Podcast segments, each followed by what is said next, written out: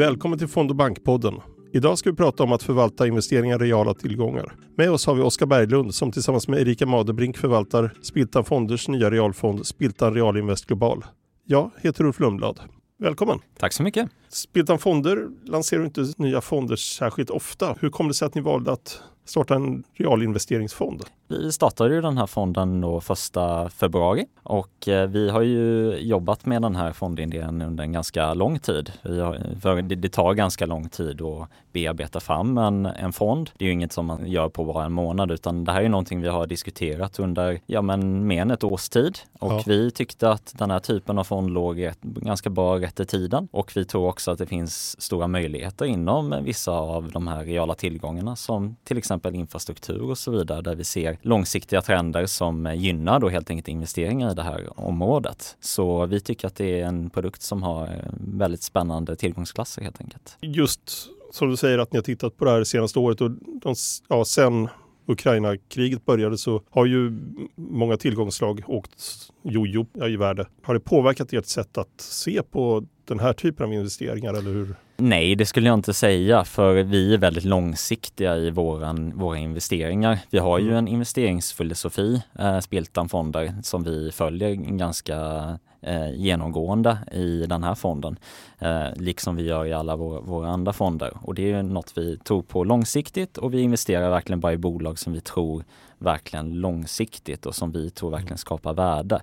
Så jag skulle inte säga att Ukraina kriget och krisen har liksom förändrat vårt sätt i att investera i bolag. Sen har det ju klart varit lite stökigt och eh, volatilt den senaste tiden. Men vår investeringsfilosofi ligger ju fast i hur vi investerar i, i bolag. Vad har ni för tidshorisont på era investeringar?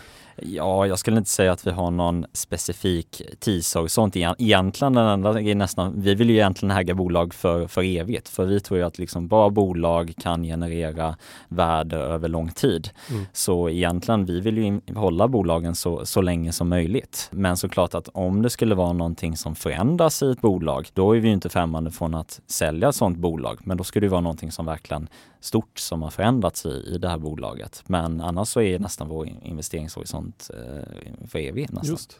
Hur har mottagandet varit hittills? Ni har varit igång i tre månader nu. Jo, men den har varit, eh, varit bra. Eh, mm. Vi har sett eh, bra intresse både från privatsparare som tycker att det här verkar vara en väldigt intressant och, och spännande produkt. Delvis att du får liksom tre olika tillgångslag i en produkt genom infrastruktur, fastigheter och skog. Men vi har också sett intresse från eh, institutionella eh, investerare som också tycker att det här verkar vara en spännande produkt. För den här typen av tillgångar är ju ofta sånt som man kanske främst når på onoterade marknader genom private equity-fonder och så vidare. Medan här får du ju en exponering mot eh, de här tillgångarna som är noterade då. Så att det är ju en daglig handlad fond så du kan ju ha daglig likviditet i det och det ser ju många som en fördel då. Just det, för om man tittar för en fem, sex, kanske sju år sedan så pratades det mycket om infrastrukturinvesteringar bland inte minst livförsäkringsbolag, mm. att de ville ha väldigt långa löptider på, som matchade deras egna åtaganden. Var det en hype just då eller är det fortfarande intressant för dem att kanske investera i den här typen av verksamheter? Det skulle jag säga att må många av de här eh, li livbolagen och så vidare har ju fortfarande den här typen av allokeringar, att de investerar i infrastruktur och fastigheter, att de har ett, ett x antal procent av sina totala tillgångar som de investerar i inom det här segmentet. Mm. Så det är väl framförallt det jag skulle säga är det som de tycker är intressant är att du har den här dagliga likviditeten. För i många fall så är det antingen att du äger en fastighet själv och då är det ju väldigt långa, alltså det tar tid att genomföra en transaktion. Men också om du ska nå infrastruktur så är det oftast kanske private equity-fonder och där har du, är du inlåst kanske i fem till tio år.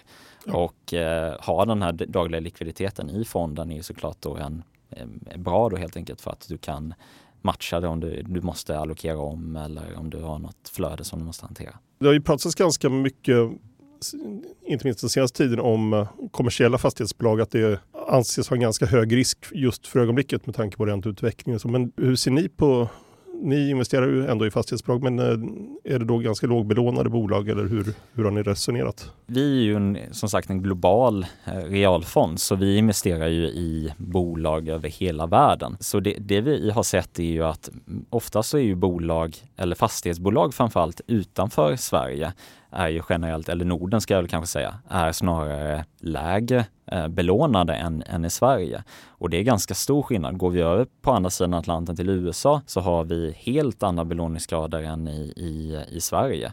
Du har skuldsättningsmått som net debt ebitda. Eh, I Sverige kanske ligger fastighetsbolag på mellan 10-15 gånger medan i USA så kanske de ligger, i alla fall av de stora mer stabila, ligger kanske runt 5-6. Eh, så det är en väldigt stor skillnad i belåningen eh, mellan USA och i Sverige. Vi har ju framförallt investerat också då i amerikanska fastighetsbolag som har den här lägre belåningen. Men vi har svenska bolag också. Mm.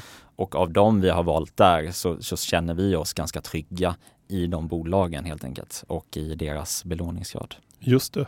Ni investerar i infrastrukturbolag, i fastigheter och i skogstillgångar. Mm. Va varför funkar de tre grupperna tillsammans? Vi har väl tänkt så att vi, vi tycker att de är, det är tre väldigt intressanta reala tillgångar som tillsammans ger en bra kombination i i, i en fond. För delvis infrastruktur för att vi tror, vi tror väldigt långsiktigt på infrastruktur. Du har väldigt många strukturella trender som driver infrastruktur framöver. Alltifrån elektrifiering, det ska ju vara någon som producerar elen för den hållbara omställningen. Men det ska vara någon som transporterar den här elen. Så elnätsbolag tror vi är ju en sektor som kommer gynnas framöver. Men du har faktorer som urbanisering, så, där du har bolag som vägbolag och du har eh, återvinningsbolag som, eh, som då helt enkelt gynnas när städer väx, växer upp och, och breddas. Och sen fastigheter är ju med för att det är ju en väldigt viktig liksom, real tillgång och utgör ju en ganska viktig del av de totala realtillgångarna om man tänker i hela världen. Ja, Så då har ju den en, en viktig plats också i fonden.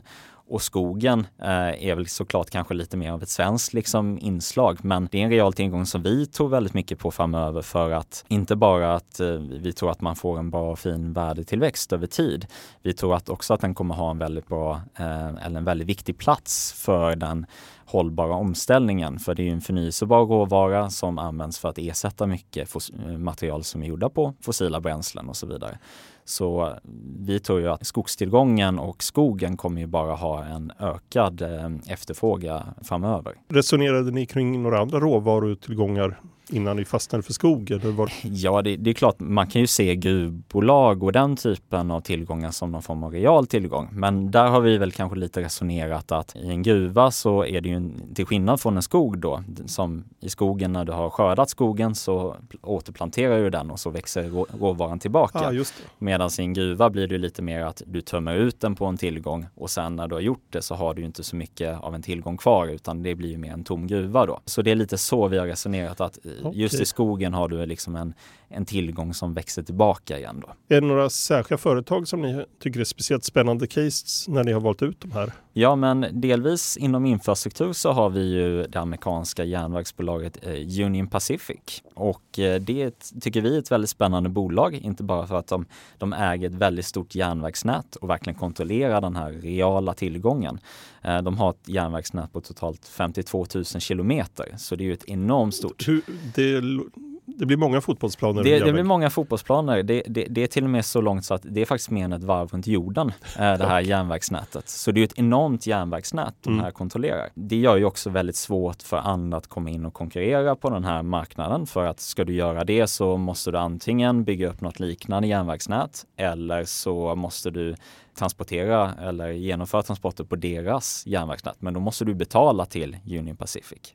Jag ska tillägga Union Pacific är ju också ett transportbolag så de fraktar ju gods och sånt också Aha, på, så... på, på, på järnväg förutom att de äger järnvägen då också. Och de är ju kritiska för framförallt transport av varor i västra USA där de egentligen är enda aktören tillsammans med ett annat eh, transportbolag eller järnvägsbolag. Så det är lite monopolmarknad där? Duopolmarknad kan man säga, ja ah, okay. precis. Eh, så de har ju en väldigt bra position då och det tycker vi är ett väldigt spännande bolag. Jag antar att det är väldigt stabil avkastning på dem också? Ja exakt, så de har väldigt bra eh, kassaflöden och eh, ger både utdelning men också återköper aktier så du, du får en väldigt fin avkastning över, över tid där. Då. om man tittar på infrastruktur, fastigheter och skogstillgångar så har ni ju allokerat det ganska olika. Ni har ju hur var det, 65 procent ligger i infrastruktur. Stämmer. Eh, hur har ni resonerat kring eh, vikten? När det kommer till vikten så har vi främst tänkt då att delvis så tycker vi att infrastruktur utgör en bra stabil bas i en fond. Och sen så tycker vi också att om man tittar på liksom alla reala tillgångar liksom som finns på något sätt över hela, hela världen så tycker vi i alla fall att infrastruktur är kanske den delen som utgör den, en av de största delarna eller den största delen. Det har alltifrån som sagt järnvägar, flygplatser, järnväg, allting sånt där. Så därför tycker vi att den bör utgöra en ganska stor vikt i fonden då. Just. Följt av fastigheter då som också är en ganska stor och viktig real tillgång. Så då, då finns det ju naturligt, alltså naturligt att den ändå är är åtminstone liksom 25 procent.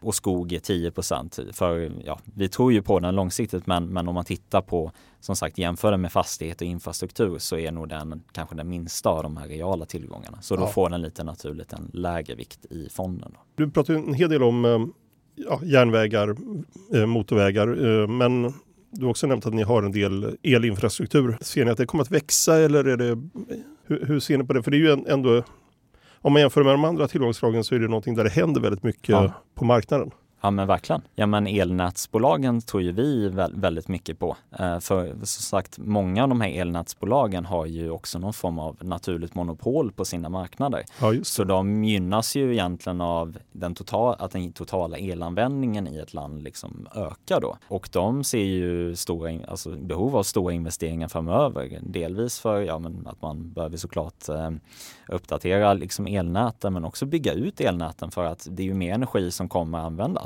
och eh, den behöver ju transporteras också någonstans. Så eh, de ser ju en ökad efterfrågan framöver här och det är ju några bolag vi tror är, gynnas kraftigt av elektrifieringen. Investerar ni i elproduktion också? Eller bara? Det gör vi, ja. det stämmer. Eh, och vi har några bolag där som är, men de är primärt fokuserade på förnyelsebar energi då. så det är vattenkraft, vindkraft och så vidare. Just det, det ska man säga, ni är en kapitel 8-fond om jag kommer ihåg rätt. Ja, det stämmer. Så ni, ni fokuserar på, eller exkluderar ni bolag utifrån vi, hållbarhets... Precis, vi exkluderar ju bolag utifrån ett hållbarhetsperspektiv. Så vi ska ju inte ha några som är eh, oljeproducenter och så vidare. Så, så de, de exkluderas helt ur, ur fonden. Då. Men ni har inga ambitioner på att bli kapitel 9? Ja, det får vi, får vi se lite framöver. Jag, jag kan inte utesluta att uh, vi kommer kika på det, men, men jag vill inte garantera att vi, det är någonting som kommer, Nej, det ske. Förstår jag verkligen. För, för det är fortfarande lite exakt oklart kring hur uh, regelverk och så vidare kommer vara för, för den här typen av fonder. Ah, så att gå före och sätta en artikel 9 innan vi vet exakt, det tycker jag vore lite, uh, inte, inte så bra. Ja, men annars så ligger du inte så långt ifrån ja, era naturliga områden. Ja, absolut. Så vi, vi får väl helt enkelt se i, i framtiden om, om, om det är någonting vi, vi ska göra. Ni handlar ju med börsnoterade bolag mm. i stor utsträckning, men eh, hur korrelerar det här med, med börsen i stort? För det här borde vara ja, låg, ganska låg korrelation. Ja, exakt. Eh, ja, men infrastruktur generellt brukar ju ha en lägre korrelation med Eh, börsen då. Det är också lite det som är tanken med fonden också, att den ska vara en lite lägre risknivå än kanske en, en svensk aktiefond. Så det är också lite syftet att vi ska ha en lägre korrelation och att du får en liten lägre risk då i, i fonden än en svensk aktieindex då, Just eller en aktiefond. Då. Vilka är det ni vänder er till? Vem är det som ska köpa den här fonden? Ja, men eh, ja, både privatsparare som vill ha en god riskjusterad avkastning i, i sin, sin fond och kanske vill ha något som är lite lägre risk än en svensk aktie, aktiefond. Men också så, så, sagt eh, institutionella investerare som eh, vill placera i, inom infrastruktur och fastigheter och mm. även skog. Eh, men kanske vill ha den här dagliga likviditeten i och med att det är en dagligt handlad fond. Då. Just det. Nu har ni varit igång några månader så det är inte så länge men ni har ändå jobbat ett bra tag med att rita upp den här ja. fonden. Hur, hur, ser ni, hur ser du på utvecklingen framöver? Vad, vad kommer hända inom de här områdena? Ja, nej men eh, jag tror att framöver så kommer det nog ehm, fortsatt alltså att vara en, ehm, ja, vi, tror ju mycket på eh, inom infrastruktur där du har allt ifrån med elektrifiering och hållbarhetstrenderna kommer ju fortsatt vara väldigt starka. Och elnätsbolag, elproducenter och avfallshantering och så vidare tror jag kommer drivas och verkligen ha en bra tillväxt eh, framöver. Och det är väl lite det vi försöker också hitta, att bolag som har någon form av BNP-tillväxt men kanske BNP lite plus där du får utöver att du har en en nominell utveckling så får du den här lite extra tillväxten på toppen, att du har någon strukturell drivkraft. Just det. Men du har också digitalisering där vi ser en ökad efterfrågan på grund av 5G-utrullningen. Där har du många telekomtonsbolag till exempel som eh, gynnas av det här för du måste förtäta näten och då måste du ha fler telekomtorn. Så det äger vi också bolag inom. Så det finns ju många strukturella trender som vi tror verkligen kommer driva framöver och som vi tror kommer eh, gynna de bolagen som vi äger i alla fall långsiktigt. Det här är ju en global fond. Ja. Var, var har ni mest investeringar? Är det Europa, USA? Eh, ja, eh, USA är ju den största eh, delen i, ah, i fonden just nu eh, och det är 37-38 procent och sen har vi eh, Sverige ungefär 13 procent då. Nordamerika utgör ungefär 45 procent men det är också lite lägre än vad man ser i ett globalt index. Ungefär Så, men, men det är ganska eh, diversifierat annars om man tar bort USA. Då. Jag tänker spontant att det borde hända ganska mycket inom emerging markets kring mm. inte minst infrastruktur. Mm. Eh, men det är ingenting ni har tänkt att det ska Jo absolut, det, det händer ju väldigt mycket där som sagt. Det är ju ekonomi som växer väldigt snabbt och, och där ja. infrastrukturen byggs ut väldigt snabbt också. Vi har väl kanske sagt att vi investerar kanske inte i bolag som är noterade i tillväxtmarknader för att vi ser ändå en ganska en hög risk med att investera i de här marknaderna direkt. Just det. Så vi har bara valt att hålla oss till väst, alltså till eh, utvecklade ekonomier i Västeuropa, Nordamerika, Australien, Japan och så vidare. Okay. Eh, men sen kan ju de bolagen som vi äger och som är noterade i de här länderna i Västeuropa och Nordamerika ha verksamhet i utvecklingsländer, absolut. Men vi investerar inte i noterade bolag i de här tillväxtmarknaderna. Jag känner att vi har kommit en bra bit på väg med det här. Är det någonting du tycker att jag har glömt som någonting du Nej, tycker jag borde fråga om? Det, det, det, tycker jag inte. Jag tycker du har eh, snappat upp det mesta. Vad bra. Men eh, då får jag tacka dig så jättemycket. Ja, tack så mycket. Tack. Du har lyssnat på Fond och Bankpodden. Producent Julia Sivers och ansvarig utgivare Kristina Kennedy.